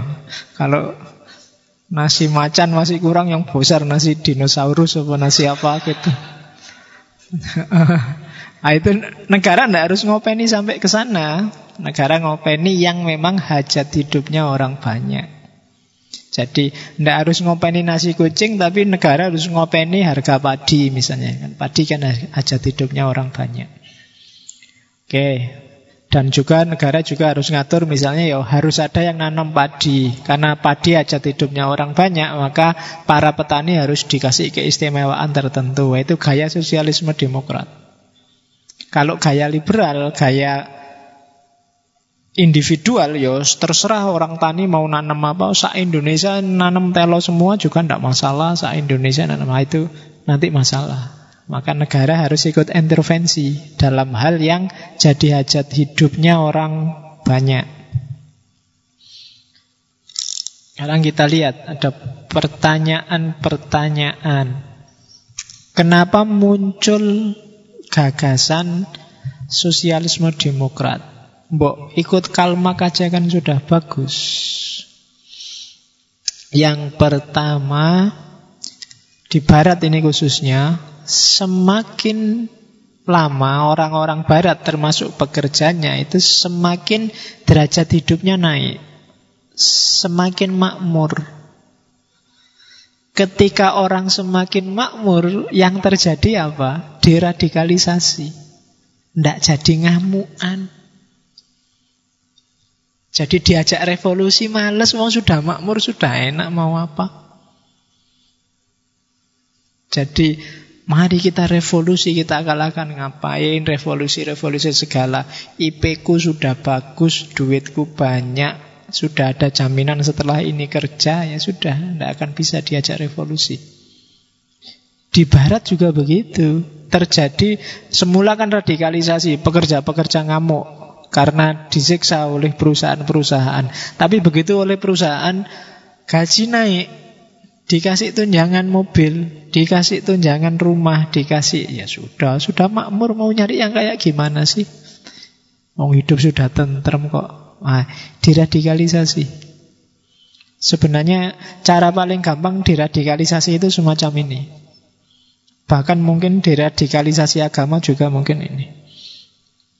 Orang yang paling gampang ngamuk itu kan orang yang tidak punya apa-apa, kerjaan nggak punya, kuliah tidak lulus-lulus, kemudian oh itu kan yang paling gampang tersulut kan gitu.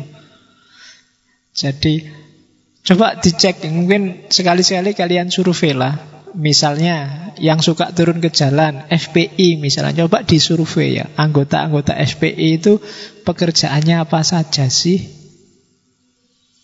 Ya kan? Berapa persen yang sibuk? Misalnya kalau ada yang sibuk punya perusahaan punya bisnis saya nggak yakin bisa ikut ngerutuk-ngerutuk itu. Yang bisa ngerutuk-ngerutuk itu kan sing kurang gawean sing terus sing iya kan? Yang ndak ada kesibukan mau ngapain? Ayo tak kayak seragam putih-putih ayo nyerbu. Ya lumayan daripada nganggur. Ya kan? Kan sering-sering gitu maka obatnya jangan dinasehati, kamu diceramai, dikasih dalil, dikasih ayat, peduli amat sama mereka. Untuk menderadikalisasi, kasih modal, mas, bisnis yuk. Mas, nggak jadi FPI nanti. Mereka sibuk ngopeni bisnisnya. Ya kan? Yang jomblo-jomblo kasih pacar, kasih istri, sibuk ngopeni pacari mesti. Lagi asik saya mau nyerbu di SMS pacari Mas anterin dong. Nggak jadi. Ya kan? Loh ya kan itu deradikalisasi juga. Jadi kasih istri yang banyak Itu wis tidak jadi radikal sudah. Sumpek memikir keluarganya. Loh itu yang terjadi.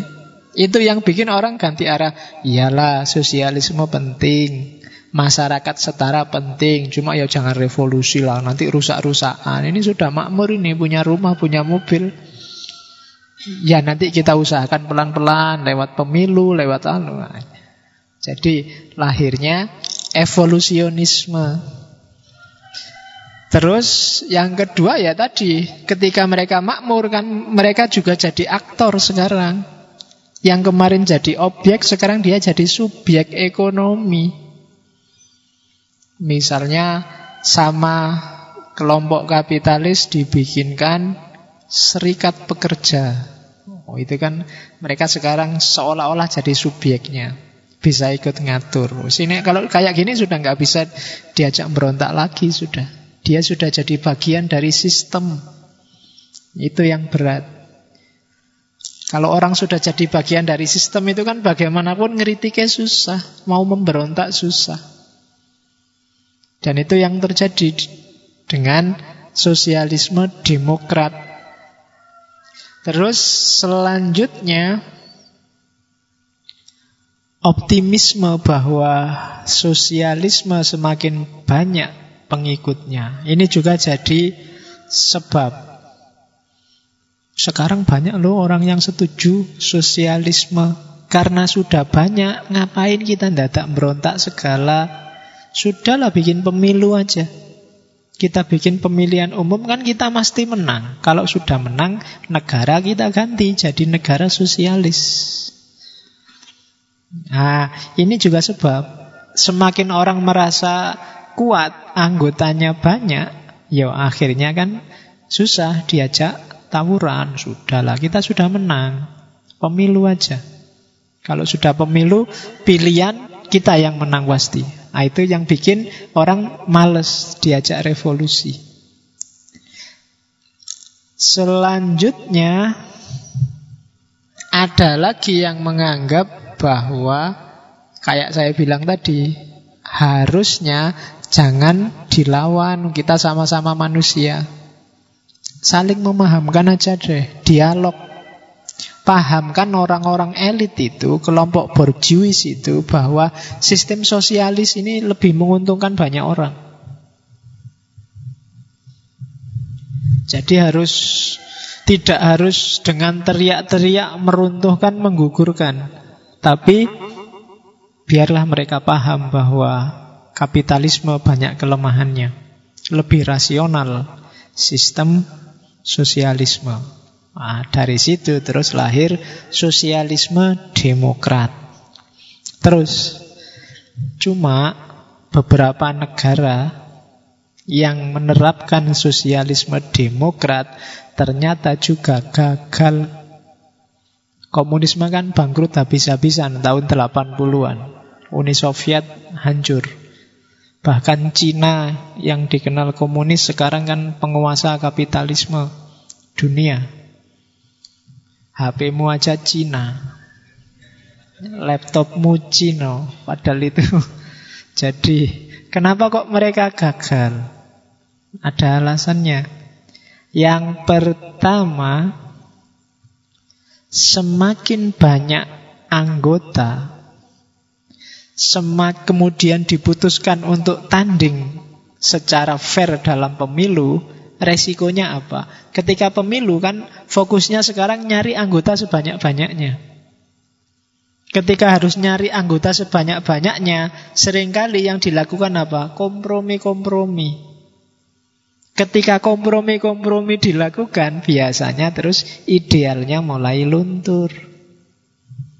Dulu bikin partai Islam, kita tegakkan keislaman di Indonesia ini. Tapi begitu loh kok kita jumlahnya dikit, kita promosi yang banyak. Terus ada orang yang tidak Islam, boleh nggak ikut? Boleh. Kita ini partai terbuka kok meskipun Islam. Lama-lama negosiasi-negosiasi habis sudah idealismenya.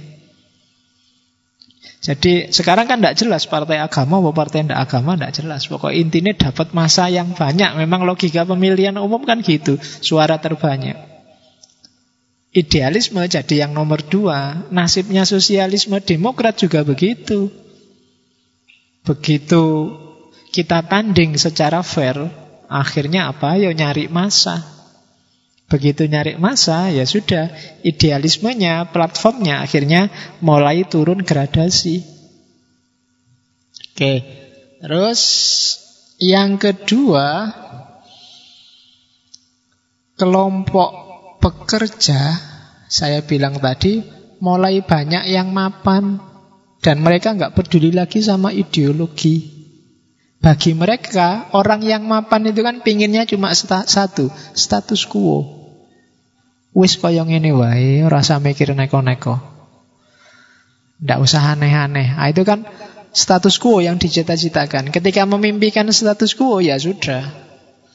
Tidak akan ada perubahan dari kapitalisme ke sosialisme. Terus yang ketiga, kenapa sosialisme demokrat gagal? Karena kapitalisme itu pinter, kayak tadi. Dia bisa mengadaptasi ajaran apa pun, ideologi apa pun masuk ke sana dengan gaya kapitalismenya. Partai-partai sosialis akhirnya kan juga butuh pasar, butuh kapital, butuh modal. Ya sudah, jalan untuk dapat modal, jalan untuk menguasai pasar. Jalan untuk punya kapital ya satu-satunya pakai mode kapitalis. Yang saya bilang tadi, akhirnya partai-partai sosialis ngambil jalan kapitalis untuk mensukseskan ideologi sosialis. Dan ini masalah. Itu yang bikin mereka juga akhirnya gagal. Akhirnya kan cuma diketawain sama kapitalis. Allah ternyata ujung-ujungnya sama saja. Akhirnya podo wae. Kemarin marah-marah karena ndak keduman. Kan ngono terus diketawain kan sama kapitalis, sekarang dibagi dikit diem deh. Ndak ngomong-ngomong lagi, sudah selesai ya. Itu diketawain sama kapitalis, tapi itu pinternya kapitalis. Dan itu yang bikin nanti Fukuyama bilang the end of history, akhir sejarah. Jadi nggak akan ada sistem yang bisa meruntuhkan kapitalisme sampai kiamat besok akan kapitalis sistem keuangannya. Itu kan ramalannya Fukuyama. Jadi sosialis ya kelihatan hebat di konsep tapi begitu dipraktekkan rontok satu-satu katanya Fukuyama. Jadi bagi bagi Fukuyama the end of history itu ya selain kapitalisme adalah demokrasi. Agak susah nyari celah orang untuk mengkritik dan meruntuhkan demokrasi. Oke, terus terakhir. Ini katanya Bakunin. Coba dicek. Liberty without socialism is privilege and injustice. Kebebasan without socialism berarti tidak peduli dengan orang lain akan melahirkan keelitan. Privilege itu ke ya keistimewaan cuma yang melahirkan orang jadi merasa besar. Privilege, merasa elit, merasa khusus, tapi injustice, tidak adil. Kalian boleh merasa bebas, saya manusia bebas loh Pak, bisa ngapain aja. Tapi kalau tidak toleran sama yang lain, tidak peduli sama kesejahteraan yang lain, jatuhnya pada privilege and injustice. Sebaliknya, socialism without liberty is slavery and brutality. Ya kan? Menimbang mikir orang lain tapi tidak memberi kebebasan itu sama dengan perbudakan dan kebrutalan. Karpin noto itu kan kayak kamu. Menurutku yang baik kalian itu gini loh. Enggak pak saya nggak suka gitu. Harus gini, gini itu baik. Nah, Itu kan jadi Ya ngerti sih.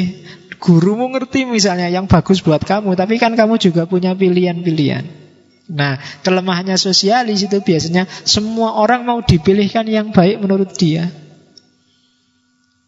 Berarti apa? Sosialisme without liberty Lahirnya slavery Orang dipaksa harus ikut. Ya kan, ya contohnya laki-laki Korea Utara itu kan Orang dipaksa harus tunduk sama Kim Jong-un.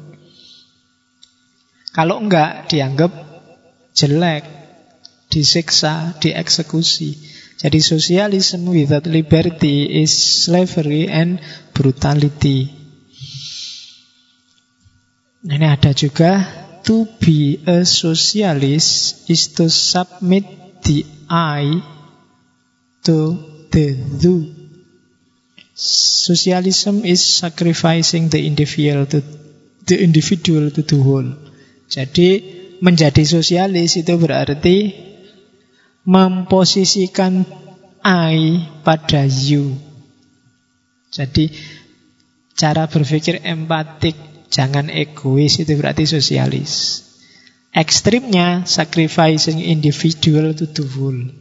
Mengorbankan kepentingan diri sendiri untuk kepentingan masyarakat banyak. Semuanya. Nah itu sosialis. Ya nanti orang yang gayanya kayak gini dan mematok dirinya kayak gini namanya sosialisme. Who Whoever was not a socialist in youth will be a scoundrel in his old age. Jos Clemenceau. Katanya Jos, siapa pun yang tidak pernah jadi sosialis di masa mudanya, maka di masa tuanya dia akan jadi skrondel. Skrondel itu bajingan. Ya, Loh yo, bajingan itu kan kata dasarnya bajing dapat akhiran an. Kenapa kok kamu heran?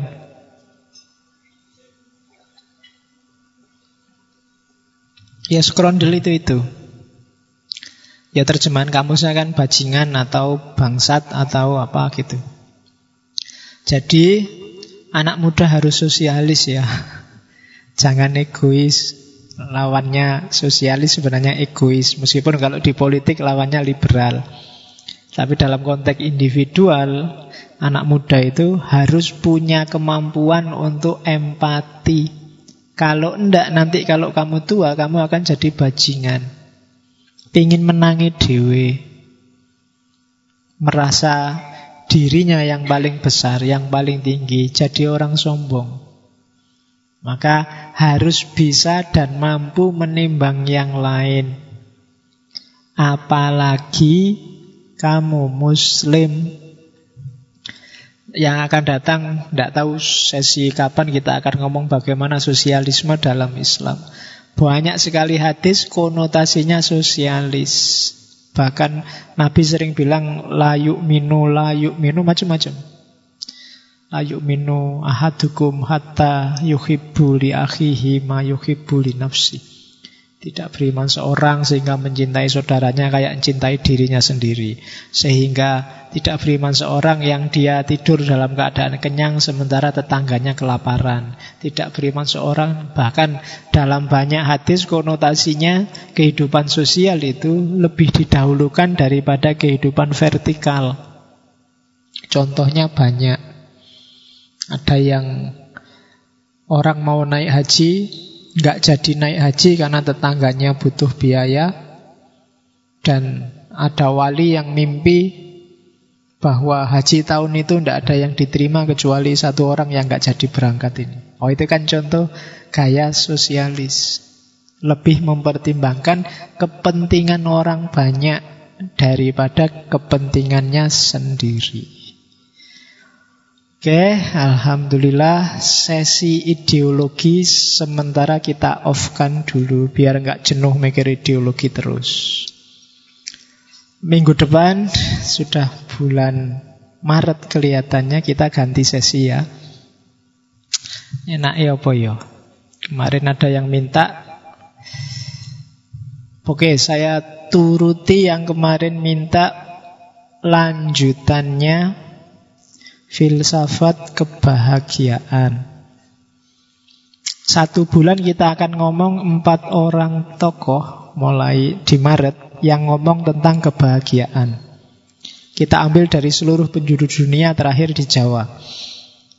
Yang pertama mungkin kita ambil Plato. Karena ini barat, jadi kita ambil yang timur-timur ya. Kemarin yang filsafat kebahagiaan akhir tahun itu kan banyak baratnya. Dari barat kita ambil Plato saja. Kemudian dari Islam saya ingin ngambil Al-Farabi, Tahsilus Sa'adah.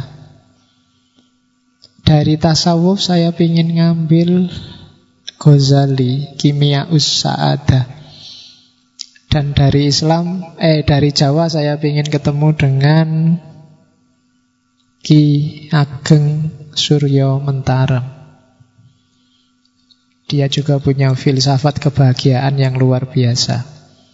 Jadi satu bulan ke depan kita akan ngomong kayak gimana sih bahagia itu. Yang pertama dari mbahnya filosof namanya Plato. Yang kedua dari Al-Farabi, filosof muslim guru kedua.